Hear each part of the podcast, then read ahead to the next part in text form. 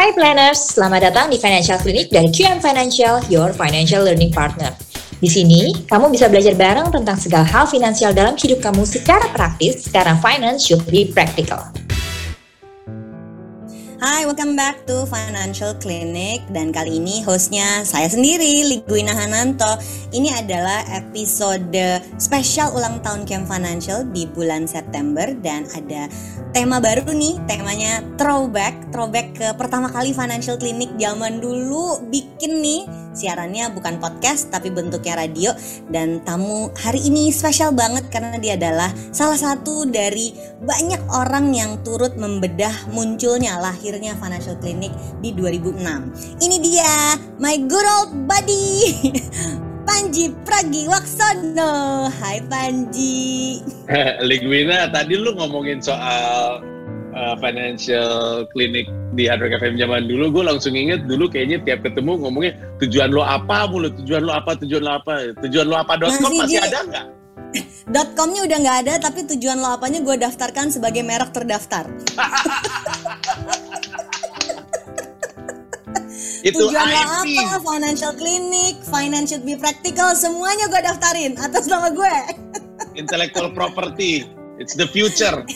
Penting itu Panji um, ini buat anak lama pasti ingat kangen-kangenan zaman dulu. Kita sebut aja ya di Hard Rock FM Your Lifestyle and Entertainment Station. Ibu-ibu berjilbab datang menghadap Mas Willy Priyoko sama Sekar Sosronegoro saya mau siaran bikin acara finansial. Terus gue pikir mereka akan ngetawain terus mereka oke okay, siaran ya bulan uh, Juni katanya gitu. Gue inget ya Ji sebulan sebelum mau siaran sama lu ketika waktu itu lu sama Steny Agustaf lagi ngetop-ngetopnya sebagai penyiar nomor satu di radio pagi itu gue sampai masuk rumah sakit loh Ji Nah kok bisa? Kenapa? Mah ya? Mah, mah, mah. Stres mau siaran sama kalian Bohong itu, bohong ya yang yang eh, mendengarkan atau menonton. Gua gue di iya. Oknam di MMC apa di Medistra gitu. Ya itunya mungkin benar tapi kalau kami yang nomor satu sih enggak lah. Masih banyak yang lebih baik daripada kami dong. Oke okay. um, ingat ingat kesan pertama ketemu kita nggak eh, ketemu kita ketemuan nggak Ji? Itu ingat ingat pertama satu Juni ingat, 2006 ingat karena gue nggak ngerti kan uh, melek finansial itu apa gue nggak ngerti financial planning itu apa terus ada mbak-mbak gitu kan datang ngomongin nah ya lu harus butuh ini butuh itu kata gue ini orang mau jualan apa sih gue disangka agen asuransi gue pikir lu mau nawarin gue gue sih sebenarnya kan? pikir kalau gue udah dari dulu jadi agen mungkin gue udah kaya ji Amin, kayaknya mah Insya Allah lah itu menuju lah kita lah. Definisi yang berbeda ya. iya tapi, iya. Tapi um, di masa itu, di masa itu sama sekarang um, Eh, kita mau ngobrol tentang si Camp Financial dan program Financial Clinic itu um, waktu itu lu kaget nggak sih? Tahu-tahu ada nyelip kan itu bagian dari Good Morning Hard Rocker Show pagi-pagi ya. Uh, lu kaget nggak sih waktu itu tahu-tahu ada nyelip acara finansial waktu itu? Duluan lu apa duluan Rene Win duluan lu ya? Sorry gue duluan dong. Tetap masih kompetitif sampai hari ini Iya jadi. Gue duluan, gue duluan. Jadi, jadi uh, karena waktu itu sebenarnya jawabannya gini, jawabannya adalah tidak terlalu karena waktu itu GMHR zamannya gue itu progresif banget dari sisi konten. Ada aja yang di, di didorong untuk harus ada konten baru, ada konten baru, harus ada yang insightful. Dulu GMHR pada zamannya programnya aneh-aneh, ada yang jereng ireng, jemput bareng, ikut bareng gitu-gitu aneh lah. Belum ada belum ada car sharing gitu ya belum ada uh, apa namanya oh, kayak taksi online kan, iya. nebeng buat pulang kantor bareng betul gitu ya benar betul. Dan dulu ada sampai ada kayak program nyanyi nyanyinya si kafe Bantem jadi sebenarnya progresif sekali dari sisi harus ada konten baru. Jadi gue kaget sih enggak tapi emang nggak familiar karena dunia uh, finansial jauh lah. Sampai sekarang juga gue mungkin nggak nggak bisa dibilang ngerti finansial ya gua gua adalah years kan ya Ji? Gua gua adalah uh, temen lu yang gagal gitu. Secara ya, anak nakal. Udah gua secara, nasihatin apa aja nggak diikutin sama dia mah. Gak Tapi dulu. jalan orang tuh beda-beda jalan orang beda-beda. Iya dan dulu saya sangat tidak stabil penghasilannya tidak seperti sekarang. Kendati pun anda bimbing pada zamannya tapi masih tidak bisa untuk stabil Sehingga Nanti, nanti kita ah, perlu bahas uh, proses menghasilkan uangnya Ji. Tapi kalau throwback 15 tahun yang lalu, um, karena gue sekarang banyak banget ketemu sama uh, orang-orang yang kayak zaman kita pertama kali ketemu gitu, yang umurnya belum 30. Waktu itu kita belum umur 30 deh. Um, uh, terus zaman itu tuh eh, sekarang tuh anak-anak yang umur di bawahnya 30 tuh um, selalu berpikir wah nggak bisa nggak kekejar kalau sekarang. Ya kan itu sekarang. Gue selalu mikirnya kita juga we started somewhere eh, and it's been 15 years. Gue kenal lo dari 15 tahun yang lalu waktu siaran bareng. Kalau kita throwback um, secara finansial tadi lo bilang uh, beda banget proses penghasilan. Uh, Panji yang dulu tuh emang financially kayak apa sih? Kalau Panji yang dulu sih banyak kan kerja ya, harus diakuin kerja untuk radio, kerja untuk TV gitu. Eh, waktu itu gue baru nge-rap aja 2008, baru stand up 2010, baru mulai menghasilkan sebagai stand up comedian. Gue akan bilang 2012 mungkin, walaupun 2011 gue udah bikin special pertama. Jadi waktu itu penghasilan gue tuh banyak dari orang. Jadi gue nggak punya Gigs ya? kemampuan. ya gigs gigs, waktu itu Betul, gig ekonomi kalau anak zaman sekarang. Eh, kalau sekarang passion ekonomi. Passion ekonomi apa pula itu Ada baru. Wina, lu coba lu oke buka gue ketinggalan gue ketinggalan gue tahu gig ekonomi kalau passion ekonomi gue baru dengar Ada tuh passion ekonomi. Gue juga lagi mempelajari. Tapi ada masanya uh, penghasilan itu mulainya dari one gig at a time ya Ji? Yang adalah berarti ngumpulin dari kerjaan satu job MC ke job MC berikutnya. Iya, satu satu itu di saat brand gua nggak nggak kuat. Jadi kan kalau lu nggak terkenal, istilahnya ya, personal brand lu nggak kuat, lu kan nyari duit gitu. Lu nyari dari satu titik ke titik lain. Terus kalau lu nggak nyari, lu nggak dapet duit karena duit nggak ada yang datang. Tapi seiring bertumbuhnya karir gua, personal brandnya makin kuat.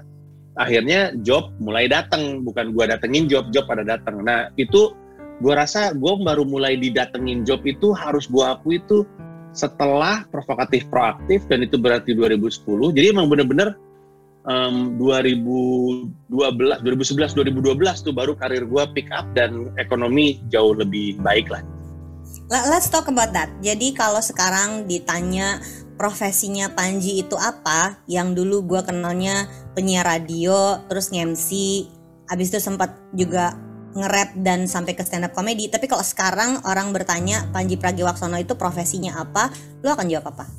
kalau orang umum sih gue bilang stand up comedian aja biar gampang tapi kalau untuk orang kayak lu gue bilangnya gue sebenarnya orang yang berkarya karya gue banyak Jadi lo nggak limit diri lo di satu karya stand up comedy aja, it can be many other things. Iya betul karena sebenarnya sih semuanya udah jadi bukan udah jadi ya maksud gue. Jadi revenue streamnya bukan cuma dari stand up, memang paling gede stand up, tapi harus gue akuin dari yang lain-lain juga gitu. Karena gue kalau dibilang stand up comedian tapi gue jalanin perusahaan juga walaupun masih kecil. Terus udah gitu kalau dibilang stand up comedian tapi gue ngedirect film juga gitu. Jadi intinya sih gue berkarya aja. Tapi kalau nanya yang paling gede ya memang stand up. Oke, kalau tadi By the way, by the way, Wina Kenapa? tuh dulu by the way Wina tuh dulu penonton stand up gua. Sekarang dia stand up comedian. eh sorry ya digital downloadnya bisa diambil di Comika. Terus ID. Kita cross dong kak. Jadi gue ingat 2013 Mesake Bangsaku dan dia mau Wina tuh masih nonton dan gue ingat Wina sampai gue ngomong apa gitu. berdiri. Pokoknya iya sampai berdiri gara-gara gue ngomong tentang apa joke gitu. lu sama Glenn. Kalau nggak salah lu joke sama Glenn. Ya ya benar benar benar Ah, benar. Yang itu. Ada Lu sampai kaitannya sama itu. agama soalnya karena nggak boleh ngomong assalamualaikum di gereja kan. Ya, itu gue suka banget tweet yang gitu. itu. Wina sampai berdiri, wah kayak gitu. Sekarang Wina Ananto udah punya digital download comika.id. Bisa lihat di comika.id itu perusahaannya Panji. ini cross sell, ini cross sell. Dan, dan kita mengakui kalau urusan stand up comedy siapa yang bisa sampai punya berapa ji terakhir? 3000 penonton. 3000 tiket 5.000. ya terakhir. 5000. 5000 tiket. Bikin show tunggal sendirian 5000 penonton. Ya baru Panji Pragiwaksono lah belum belum belum ada yang lain kayaknya. Gue bisa 600 penonton tapi gue nggak show sendirian. Gue rame-rame keroyokan gitu ya. Sorry gue juga harus boasting sedikit. Tapi Wina juga disuruh nggak nggak nurut. Udah gue bilang suruh bikin show sendiri dari kapan tahu. mau mau covid kan Iya, di Amerika aja. Mau, tunggulah tanggal mainnya nanti aku muncul. Di Amerika orang udah pada nggak pakai masker kata gue gue lihat. Enggak, gue gue udah tahu gue mau open mic di mana aja ji, gila banget pokoknya nanti di Amerika gue jajal semuanya. Respect. Tapi kita balik dulu tadi ada satu statement lo yang menarik, penghasilan lo menjadi lebih stabil um, dan lo tahu job itu pada datang dan lo identify tadi ketika personal brandingnya udah jalan Let's talk about that karena banyak orang yang nggak memperhatikan ini dan selalu ngomongnya nggak bisa nggak bisa nggak bisa. Padahal gue selalu merasa ya kita mesti mengembangkan karir kita dulu untuk sampai ke sebuah titik supaya uangnya datang ke kita dan itu butuh proses yang nggak bisa di skip. Uh, personal branding ini nggak cuma berlaku untuk orang yang ya Panji udah jelas public figure tampil di depan umum, tapi kan orang yang kerja karyawan kantoran juga perlu punya personal branding di dalam kantornya untuk untuk si orang sekitarnya bisa mempercayakan dia pekerjaan kan. E, karirnya meningkat kan datang karena itu. Let's talk about that. Apa yang lo lakukan untuk membangun karir lu ini? Uh, kalau kita ngomongnya general ya di dalamnya tentu saja ada personal branding. Gue inget banget lu tuh orang pertama yang gue perhatiin sangat rajin menulis blog waktu awal-awal kita siaran dan itu yang banyak membuka pintu sehingga orang tahu pola pikir sebelum ada Twitter ya. Sehingga orang tahu pola pikir lo sehingga orang baca dulu konten lo. Jadi begitu udah sampai ke vlog um, lu kayak udah punya follower anak lama yang ngikutin blog lu dari udah lama ceritain dong backgroundnya apa yang bikin lo akhirnya memutuskan waktu itu bikin blog dulu deh kayak kan sekarang mungkin blog udah dianggap sebelah mata gitu ya sekarang tapi gue inget lu tuh mulai dari blog kan bikin konten yeah. itu? Iya, yeah. sebenarnya gue mulai dari blog untuk personal branding. Jadi alat personal branding pertama gue itu sebenarnya blog panji.com, hmm. bukan Twitter karena belum ada waktu itu. Um, gue nge-tweet pertama kali 2008. Jadi uh, kita, waktu kita udah mulai jalanin financial clinic nggak ada uh, Twitter. Nah, jadi yang gue lakuin emang personal branding dan definisi gue personal branding kan sebenarnya sederhana ya dan gue gue akui nggak semua orang setuju sama definisi gue tapi ini yang yang gue pakai aja buat gue gue mempercayai personal branding itu adalah kegiatan kita bilang sama dunia kita siapa supaya kita dapat peluang yang kita inginkan sekali lagi ya kegiatan kita bilang sama dunia kita siapa supaya kita dapat peluang yang kita inginkan misalnya hmm. misalnya Uh, misalnya Wina nih fans Liverpool, Wina aja ya gue pakai ya. Misalnya Wina fans Liverpool. Terus Winanya. Karena gue tahu Panji fansnya MU. karena ada soalnya ada fans Liverpool di rumah di rumah anda. Jadi saya saya sebut Liverpool aja.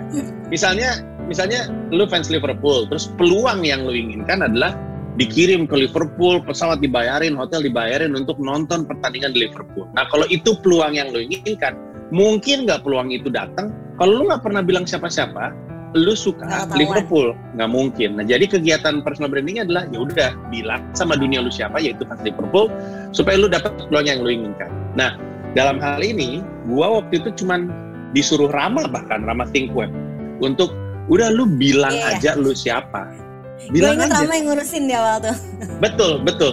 Rama cuma bilang udah lu bilang aja lu siapa nggak usah dipikirin nggak usah dikasih strategi yang penting lu cari platform di mana lu bisa ngasih tahu 100% Panji seperti apa. Karena waktu itu kendalanya pasca kena deh orang tuh mikir Panji ya kena deh aja gitu. Nggak ada yang lain gitu. Oh, iya gak ada lu tuh sempet gede di situ. Gue bahkan udah lupa kalau lu tuh apa apa dulu kena deh kena deh. Gue ingat lu pernah cerita kalau uh, kesulitan ketika orang akhirnya asosiasinya ke kena deh padahal ada yang lain yang bisa lu tawarkan kan Betul. Nah, terus udah gitu mulailah kan perjalanan untuk bilang untuk sebenarnya e, jadi Rama tuh melegitimasi gua untuk lu mau bikin apa udah bikin aja. Karena apa pun yang lu kerjain jatuhnya akan menjelaskan kepada dunia lu tuh siapa. Mulai dari itu gua mulai bikin album rap, gua mulai nulis buku.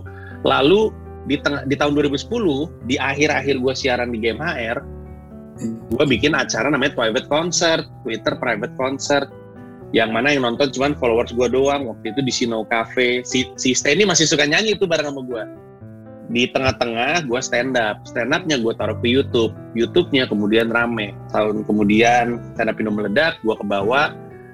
Lalu harus gue akui ya I mean I'm just being real. Tractionnya gede banget di stand up jadi di antara yang gue lakuin ini poolnya gede banget di stand up lalu gue double down. Oh kalau gitu personal branding gue dikuatin di stand up aja. Gue bikin special pertama gue rilis ke YouTube, begitu terus ngegulung. Nah, orang kan suka bilang, oh si Panji kok udah bisa 5000 ya di JCC dan nanti di store 7500. Tapi kan gue mulainya udah dari 2010. Ini kan anak-anak ini baru stand up juga gara-gara tahu coki muslim. Jadi uh, pelan-pelan jangan buru-buru gitu. jangan jangan tiba-tiba wah saya juga pengen JCC tar dulu kan gue juga berproses gitu pelan-pelan. Gue tuh dari 400 dari 100 di private concert ke 400 di Bineka Tunggal Tawa ke 800 di mereka dalam bercanda ke 1300 1200 yang Wina nonton Masake Bangsaku. Terus saja sampai sampai iya, jadi gue nonton itu aja udah tiga tiga kali empat kali lipat ya dari yang pertama ya. Betul ya gitu lah pokoknya. Jadi prosesnya dari 200 itu. ke 1400 jauh banget. Ji um, kalau kita bahas financial literacy itu kan ada empat pilar nah ini ya Ji ya. Uh, hmm. jadi banyak orang tuh um, mikirnya financial literacy itu tentang investasi investasi investasi. Apalagi sekarang tuh ngomonginnya cuan-cuan melulu gitu. Nah pengalaman gue investasi ternyata pencapaian finansial gue sama keluarga gue sekarang setelah 15 tahun dari 18 tahun dari pertama kali QM Financial berdiri itu ternyata nggak melulu hanya dari rajin nabung dan investasi tapi juga dari peningkatan pendapatan yang datangnya dari si career development itu. Um, kita ngebahas yang itu tuh dari dari empat nih. Jadi ada empat pilarnya. Pertama tuh nggak bisa langsung nabung investasi. Mesti dulu menghasilkan uang habis itu berbelanja terus berbagi satu lagi baru nabung dan investasi uh, eh, gue udah tahu lo tadi bilang kalau lu tuh anak nakal investasi ya jadi gue nggak akan bahas ke sana ya I'll spare you from the hardship of talking about that gue akan kasih itu pertanyaannya ke Raditya Dika aja ntar betul betul Iya kan? Ba tapi kan? by the way, gue gua mulai loh, gue bakal mulai. Bentar mulai? lagi. Okay. Ya, bentar lagi akan mulai. Nanti gue update lah. Jadi dari empat ini menghasilkan kita nyebutnya MBBM kalau ngajar ke sekolah-sekolah ke anak kecil gitu kita nggak ngomongnya MBBM menghasilkan berbelanja berbagi sama menabung dan investasi. Gue mau bahas dua yang menurut gue elu banget. Yang pertama tuh si menghasilkan, yang kedua tuh si berbagi. Karena gue juga pikir berbelanja. What do you wanna boast about tentang berbelanja? Enggak, gue mau bahas yang berbaginya. gue tahu kalau ngomongin berbagi Raditya Dika nggak kuat brandingnya di situ. Kapan lagi kita ceng-cengin Radit? ah, orangnya nggak ada lagi uh, ya gue besok sih ketemu sama dia gantian oh, nah okay. jadi sama lu gue bahas yang dua sih menghasilkan menghasilkan sama si berbaginya tadi kita udah bahas soal berbagi uh, lu bisa ceritain nggak yang berbagai pintu penghasilan lu itu dari mana aja um, dan kayak apa proses menghasilkannya supaya orang tuh kebayang? Karena gue tuh sekarang ketemu tuh yang model gini kayak lu tadi bilang anak-anak baru masuk stand up udah berpikir kok Bang Panji bisa langsung um, 5000 penonton? Ya kan mulainya nggak langsung 5000 gitu. Nah da, dengan kasus yang mirip walaupun gak sama persis gue tuh ada yang ngomel-ngomel soal uh, beli rumah dia kekeh maunya ditebet tapi harga rumahnya 8 miliar dia gaji 5 juta gue kan yang Rumah lu 8 miliar gak Ji? Biar, biarin kali win namanya juga orang halu lu ngalangin ya, aja. Bermimpi kan boleh, tapi kan kalau lu mau mewujudkannya lu gak boleh lupa sama si prosesnya ini loh Ji bahwa you you have to start somewhere gitu. Tapi kalau gaji lu 5 juta lu mau punya rumah 8 M naikin dulu penghasilannya gitu. Maksud gue bukan yang nggak boleh mimpi gitu. Ceritain dong si pintu-pintu penghasilan lu kayak apa? Biar pintu, orang pintu prosesnya. Uh, jadi jadi gini ya mungkin gue mulai dari uh, penghasilan utama gue stand up comedy. Hmm. di stand up comedy sih sebenarnya secara umum orang tuh atau komika tuh hidup dari dua hal. Dari gig atau dari karya. Dari gig ada banyak stand up comedy yang benar hidupnya cuma dari gig aja nggak ada special udah aja ngejob aja dari satu panggung ke panggung bisa bisa dapat contohnya contohnya orang nggak kebayang ngegig contohnya tuh kayak apa contohnya stand up uh, di acara korporat jadi oh iya, misalkan ya, lebih undang, gigs ya. Ya corporate gigs. Jadi misalkan ada sebuah BUMN atau sebuah kementerian kalau dalam hal gue atau mungkin perusahaan-perusahaan gede acara biasanya TV akhir. juga ya. Acara-acara TV itu banyak banget anak-anak uh, komedian yang masuknya di Betul. TV. Betul, walaupun kalau di TV nggak disebut sebagai corporate gig karena tentunya bukan korporat ya, dan fee-nya juga jauh. Fee TV selalu ngerasa uh, punya hak untuk bayar lebih murah dengan uh, exposure katanya gitu. Kalau sekarang kan tapi, tapi kan jadi udah pada dikenal kan, tapi jadi dikenal. ya tapi kan kita punya YouTube Win ini ngapain Oh deh ya maaf exposure ya maaf. mikir-mikir TV. Gue salah satu yang jarang merhatiin YouTube soalnya.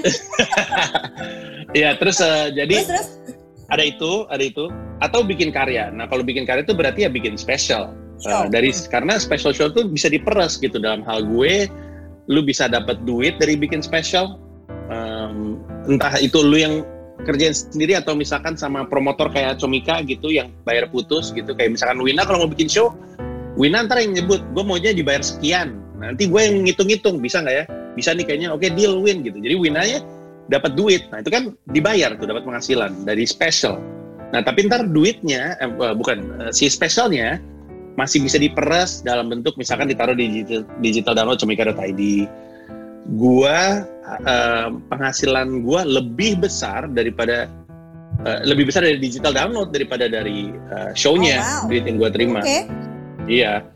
Em, karena gitu sih Win ngelanjut terus kan. Kalau show kan kita sekali selesai aja Iya benar. kalau digital download kan ada terus gitu dan kadang-kadang abis gua bikin special baru terus gua taruh judul baru katalog lama ketarik gitu tiba-tiba naik Benar lagi jadi. Kalau rataannya naik tuh gue juga gitu berarti digital Pasti. download yang di Comika itu karena setelah sekian tahun dia masih terus menghasilkan. Mungkin banyak sekali enggak tiap bulan, tapi ada terus nggak pernah kosong. iya lanjut aja terus nah Lanjut terus ah.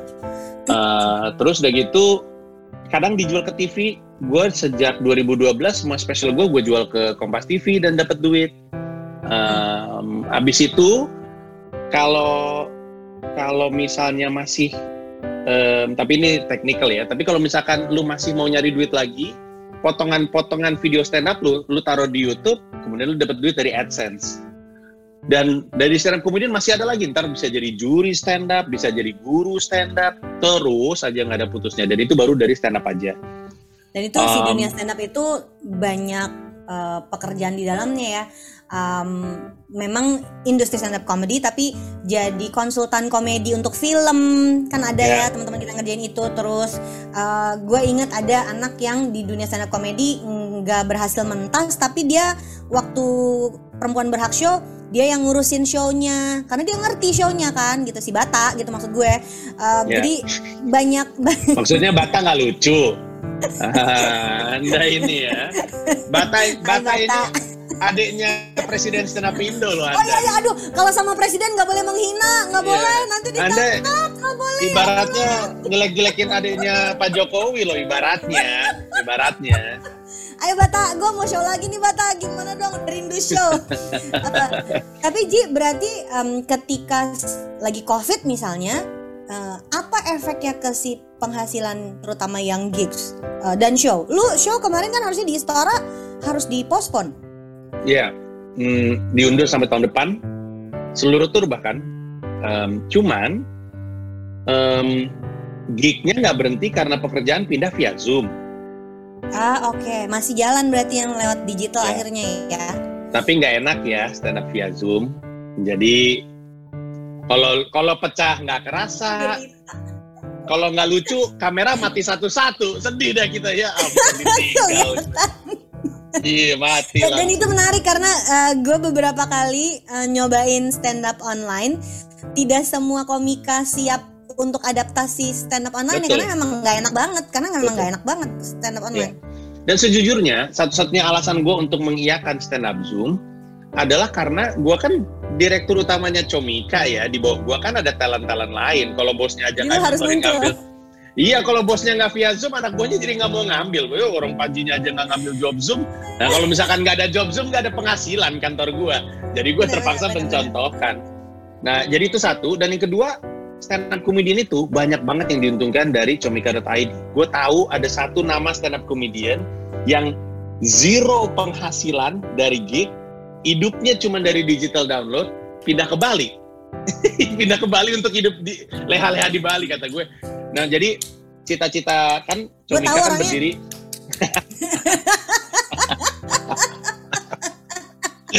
ya betul betul orangnya itu. Tapi ya namanya Indra Primawan. Nah, tuh gue sebut namanya. Nah, jadi em, mungkin maksud gue eh, walaupun panggung fisiknya nggak ada, tapi kemampuan untuk menghasilkan revenue-nya ada kalau komikanya siap untuk beradaptasi. Dan gua kan juga punya Comika Comedy Club tuh yang gue sebut sebagai virtual comedy club. Jadi secara promotor jalan terus. Komedian yang cuman bisa stand up ya bisa manggung di situ. Jadi ya um, ada aja sih jalannya gitu kalau mau adaptasi. Oke, itu dari si stand up comedy. Tadi lu sempat ngebahas Comika sebagai sebuah perusahaan. How do you yeah. manage a company kayak Comika? Berarti dia, hmm, we can say uh, digital startup gitu Ji tapi platform untuk Comika sekalian aja kita jualan Ji biar orang tahu ada comika.id dan aku ada stand up komedinya bisa di download ya di situ dagang masih kita. masih masih kayaknya masih satu-satunya perempuan deh masih iya, satu-satunya ya, digital perempuan iya iya jadi um, si Comika itu sebenarnya nama PT-nya bukan Comika, nama brandnya aja Comika gitu ya. Nah, kami itu kredonya itu berdiri, perusahaan ini berdiri untuk memastikan stand up comedian bisa hidup dari karyanya. Karena hmm. um, ya kalau dari sudut pandang gue ya, dan mungkin Wina juga tahu, tapi di dunia musik, di musik tuh sering banget ada orang yang kita suka, habis itu dia berhenti bermusik karena nggak ada duitnya gitu, misalnya ya. Terus kita kan sedih ya sebagai penikmat karyanya dia, kasihan dia nggak bisa lagi gitu. Nah di stand juga gitu, gue tuh pengen stand up comedian tetap menjadi stand up comedian jadi berdirilah nih perusahaan. Nah perusahaan ini tuh sebenarnya bukan cuman comika.id bahkan if I if I if I may if I may add comika.id itu ada PT yang berbeda. Jadi ada namanya PT Comika Tawa Indonesia itu comika.id platform digital downloadnya tapi yang gue pegang itu di bawahnya unit bisnisnya tuh manajemen stand up comedian promotor stand up comedy media komedi yaitu Comika Media terus ada retail ada physical sama ada pecahkan lembaga edukasi stand up. Nah lima itu under gua langsung. Hmm. Si CTI, si comika.id udah besar sehingga lepas dan jadi berdiri sendiri. Betul. Okay. Plus udah ini juga udah apa istilahnya tuh uh, P P PT PT P, PKP udah PKP win. Jadi alhamdulillah ya kan alhamdulillah. Ya, ya. uh, jadi, um, nah kalau ditanya gimana cara jalanin bisnisnya, gue sih insecure sekali untuk menjawab karena gue nggak bis nggak berani bilang gue tahu caranya jalanin bisnis. Tapi yang gue tahu, um, ini deh gue ganti. Yang tadinya direkturnya itu bukan gue, ini untuk yang nonton ya. Uh, dulu tuh gue bikin sebuah PT, terus gue nyuruh orang lain yang megang. Dulu aja dia yang megang, gue nggak ngerti bisnis kata gue tapi gue tuh membohongi diri gue sendiri karena ini mimpi gue terus gue nyuruh orang lain aja gitu. Kasihan orang lainnya. Orang lainnya bingung gitu. Akhirnya jadi kayak ada dua kepala. Ah ini I'm not being fair to this person. Akhirnya gue gantikan dia. Gue pegang jadi direktur. Nah keputusan hmm. pertama sejak gue jadi direktur adalah gue narik orang yang gue tahu jauh lebih ngerti bisnis daripada gue jadi Rama gabung sebagai komisaris Nah, sejak gue jadi direktur utama, idea. dengan Karena Rama ngerti bisnis. Jauh, dia udah mulai bisnis dari tahun 2000, mungkin 2007, mungkin 2008 kali. Jadi dia udah jauh pengalaman soal bisnis. Gue tarik dia ke dalam, lalu sama Rama semuanya digodok, dibenerin gitu. Kita meeting setiap hari di kantor Think Web. Dan yang Rama lakukan, masukan yang Rama lakukan itu yang membantu perusahaan jadi sehat. Nah, mumpung lagi di uh, kontennya uh, financial planner, saya mau bilang sama yang menyaksikan bahwa bahkan di masa pandemi kami profitnya naik lima kali lipat dari tahun sebelumnya ketika nggak ada pandemi. Silakan dilihat kalau nggak percaya, siapa tahu ada investor. Jadi yang mau, biasa. yang mau gue sampaikan adalah untuk menjalankan bisnis, uh, lu harus punya mentor yang lebih ngerti bisnis. Kalau lu nggak ngerti bisnis berdamai. ada di lu, nyawa bisnisnya ada di lu, tapi yang ngerti pelaksanaan lu tarik masuk supaya detailnya digodok bareng gitu kan Ji. Betul dan kan gini ya Win kan kita semua tahu ceritanya kayak Steve Jobs masuk ke sebuah perusahaan. Steve Jobs mendirikan sebuah perusahaan, tapi Steve Jobs tahu gue nggak bisa jadi CEO, gue lebih seneng di uh, ngembangin produk. Dia cari orang untuk jadi CEO, dia fokus di ngembangin produk Terus hmm. kayak Um, misalnya gue suka Barstool ya, Barstool Sports, ada media online zaman sekarang yang diriin Dave Portnoy. Tapi dia bilang kalau gue mau lebih gede, gue butuh orang untuk running. Nanti gue fokus di urusan medianya aja gitu. Nah kurang lebihnya kayak gitu. Gue nggak punya orang lain kemarin untuk megang, jadi gue yang megang. Tapi gue butuh Rama. Nah ketika Rama masuk, Rama tuh menolong dari banyak hal karena orang finance gue pusing ngomong sama gue, gue nggak ngerti keuangan. Ketika Rama masuk, si si namanya Lutfian ya si Lutfian ketemu sama Rama, nah ada orang yang ngerti bahasa pembukuan nih kata dia. Jadi semuanya jadi clicking. Um, I run the business dengan cara gue, and gue nggak nggak gimana ya caranya kan gue kemarin kena kasus saya sama nge-tweet urusan kerjaan jam 00.44 pagi, tapi uh, tapi tapi uh, bisnis Enggak, memang jangan dianggap itu kasus biasa aja kok. Ya memang biasa aja jadi bisnis memang gue yang jalanin dengan mannerism gue, dengan prinsip-prinsip gue, tapi wawasan gue dalam menjalankan bisnis, gue minta bantuan dari teman gue yang jauh lebih ngerti bisnis. Itu sih cara gue jalanin. Oke, okay, I love the process. Panji yang 15 tahun lalu siaran bareng throwback nih. Sekarang posisinya lebih ke the stand up comedian yang bisa bikin show besar, tapi juga fokus sama sebuah bisnis dan menurut gue itu apa ya? sebuah kerendahan hati sih Ji mengakui kalau ada orang loh yang lebih pinter dari gue untuk bidang tertentu sehingga harus ada orang yang masuk nih untuk ngurusin ini karena kalau enggak tenggelam nih nggak bisa nih kapalnya nggak bisa dikerjain dengan cara ini. Itu, menurut gue satu uh, yang penting banget. Kita masuk ke topik yang kedua soal berbagi. Uh, gue tahu Panji dulu itu um, salah satu orang yang serius banget ngurusin sampai jadi yayasan pita kuning sekarang. Dulu uh, gue ngelihatnya lu sama Steny tuh cuman kayak pengen berbagi aja awalnya ya hmm. tapi akhirnya jadi diseriusin dan menurut gue ini sesuatu yang jarang dibahas dari sisi finansial. Finansial tuh isinya investasi-investasi cuan-cuan-cuan. Lupa kalau ada loh bagian dari finansial itu semangat berbaginya dan yang lebih penting menurut gue keren banget ketika ini organize diurus profesional gitu ada yayasannya. Ceritain dikit dong Ji. Gue uh, gue gabung sama temen-temen yang ada di komunitas lari namanya Miles to Share dan sempet juga support yayasan Pita Kuning Betul. beberapa tahun lalu. Tapi awalnya tuh Pita Kuning gimana sih Ji? Uh, sampai akhirnya sekarang jadi yayasan tapi dulu tuh mulainya gimana? Tahun 2006 uh, eh, tahun-tahun financial clinic tuh tahun 2006 gue masih bawain acara masih ikut ngelenongnyok lah sebuah sketsa komedi di Trans lah ngelenongnyok gitu. Terus ada satu penonton bayaran bilang gue ini mahasiswa psikologi gue tuh di Dharma tuh jadi apa ya kayak kayak magang gitu. Nah terus ada satu pasien udah terminal seneng nonton kena deh kata dia. Samperin dong ke masih tetap acara itu ya? Masih pada zaman itu ya 2006 pula kan Terus gue disuruh datang untuk ketemu sama sini anak ini sebelum anak ini meninggal. Nah pas gue datang, terus gue tahu dari kalangan tidak mampu, terus gue tahu mereka butuh bantuan dan banyak ternyata anak tidak mampu. Gue balik ke siaran, gue ngomong ke anak-anak ke si Steny, ke produser gue, gue bilang e, bulan Ramadan kan bentar lagi kita bahas yuk selama satu bulan. Sebulan seminggu aja, jadi empat kali seminggu. Terus uh, cuman pengen ngasih tahu bahwa ini ada anak-anak yang butuh bantuan dan cuma segitu doang, nggak nggak nggak ngebayangin yang lain deh ini ada anak-anak ayo kita bantu tapi Jadi waktu itu di Rumah Sakit Darmais ada rumah sakit khusus kanker ya, rumah sakit pusat kanker nasional nih di Jakarta. Ada wing khusus buat anak-anak gitu, Ji. Betul, ada lantai khusus, lantai tiga, apa lantai empat ya gue lupa uh, untuk anak-anak. Nah, terus udah gitu, tentu ada dan ini belum ada BPJS ya, makanya dulu gue ikut nge, nge apa ngegawangin SJSN sampai jadi BPJS, eh, eh BPJS sampai kemudian ada sistemnya SJSN itu gue gaungin banget karena dulu bantuan untuk orang tidak mampu tuh eh, nggak uh, terlalu optimal untuk kanker dan ada plafon. Dan kalau mentok plafonnya udah kelar gitu.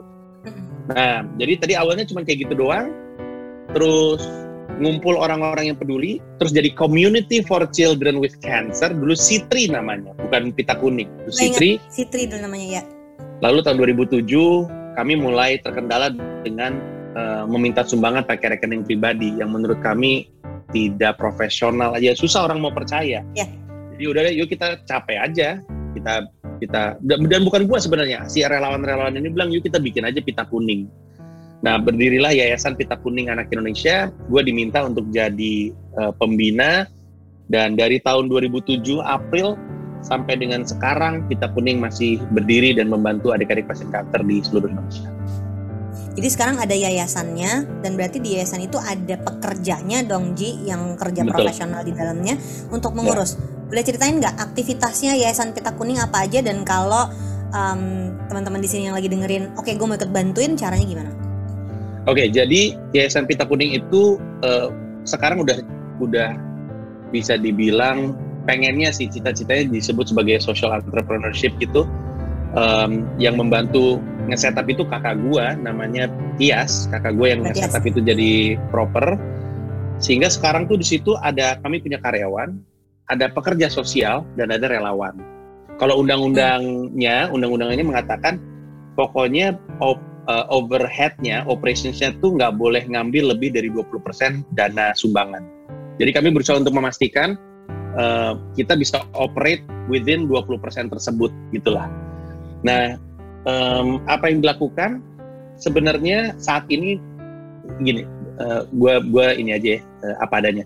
Sebenarnya kami tuh fokusnya di psikososial terapi, yaitu uh, men, intinya membantu anak-anak untuk tetap menjadi anak-anak dan bukan sebagai pasien.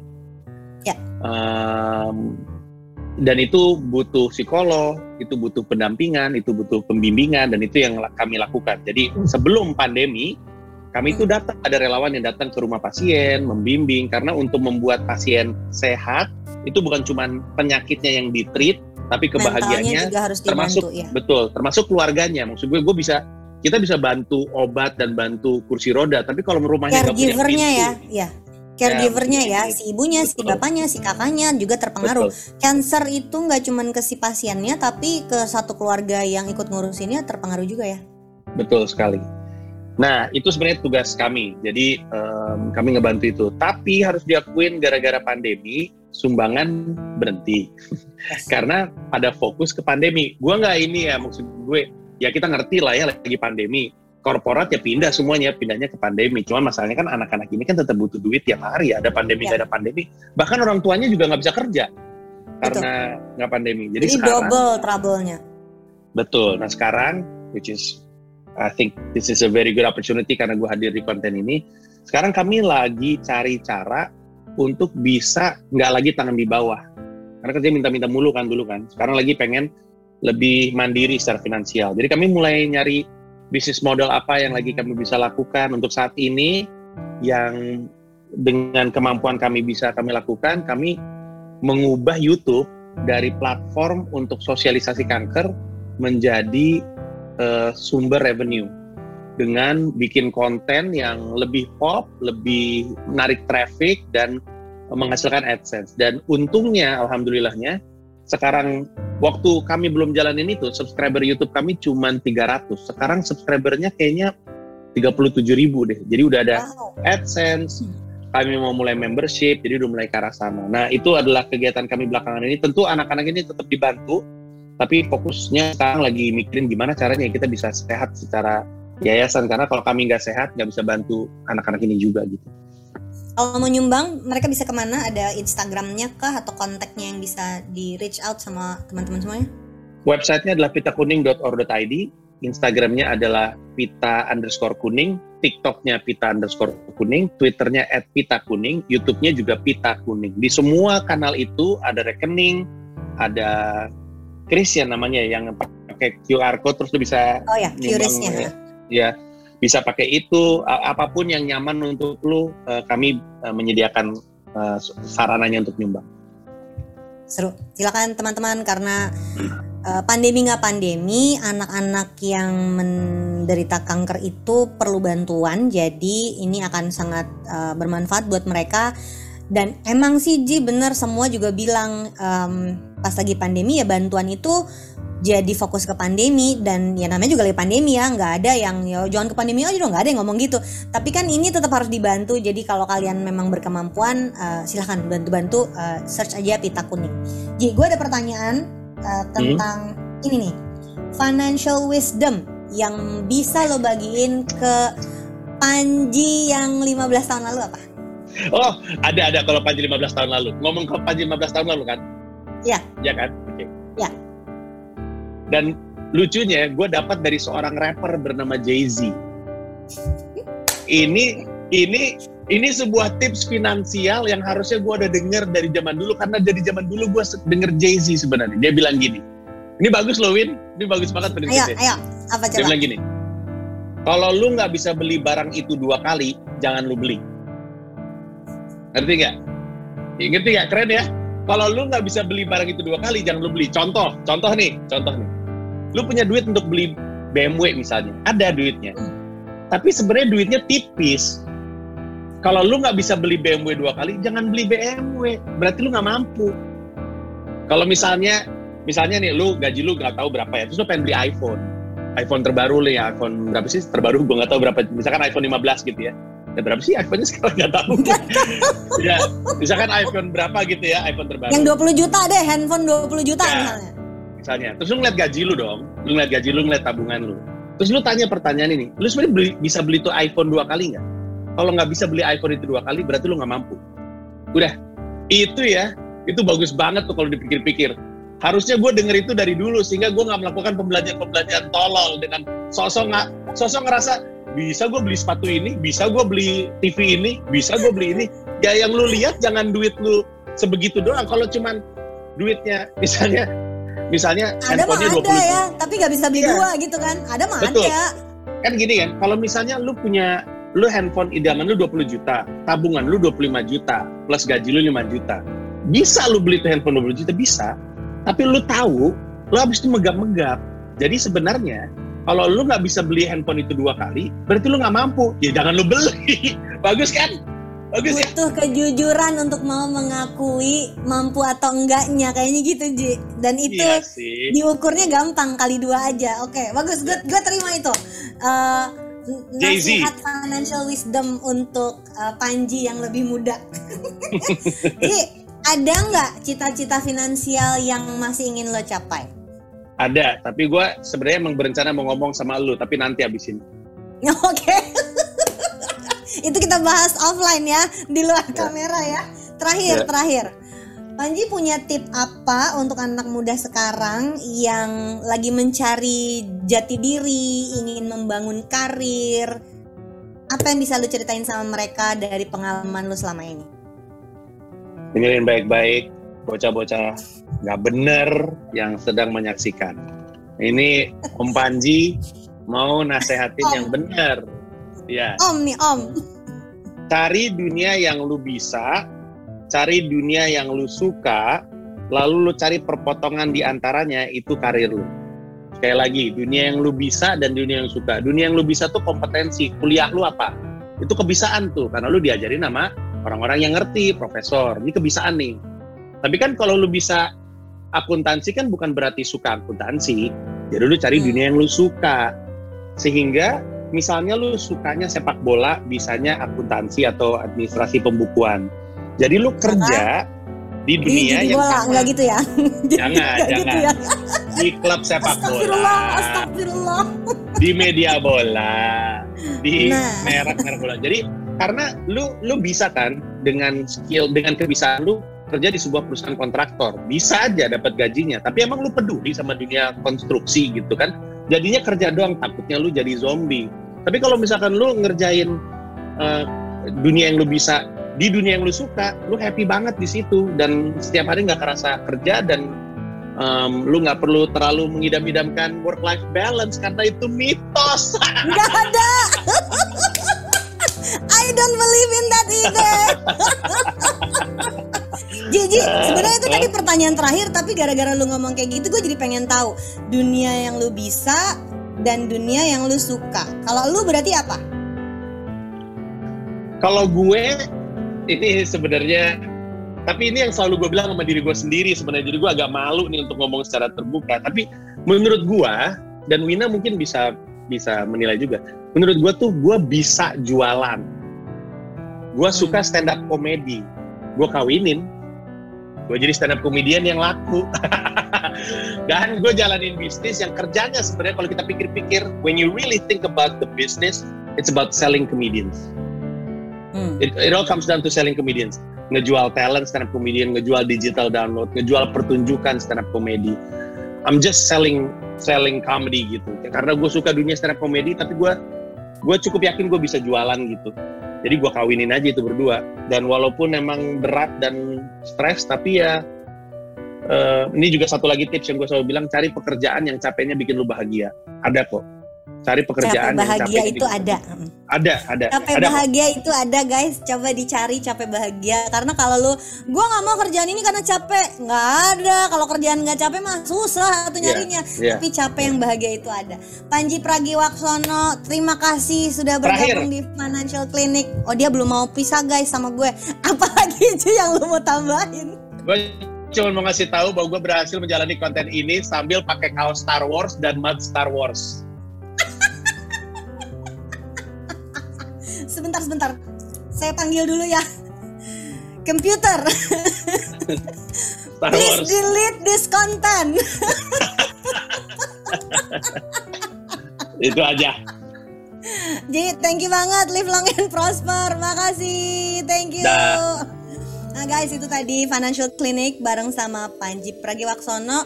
Throwback Edition yang ceritanya temanya adalah kado Kadolta Kiam Financial. Terima kasih, sampai jumpa lagi di episode selanjutnya. Bye!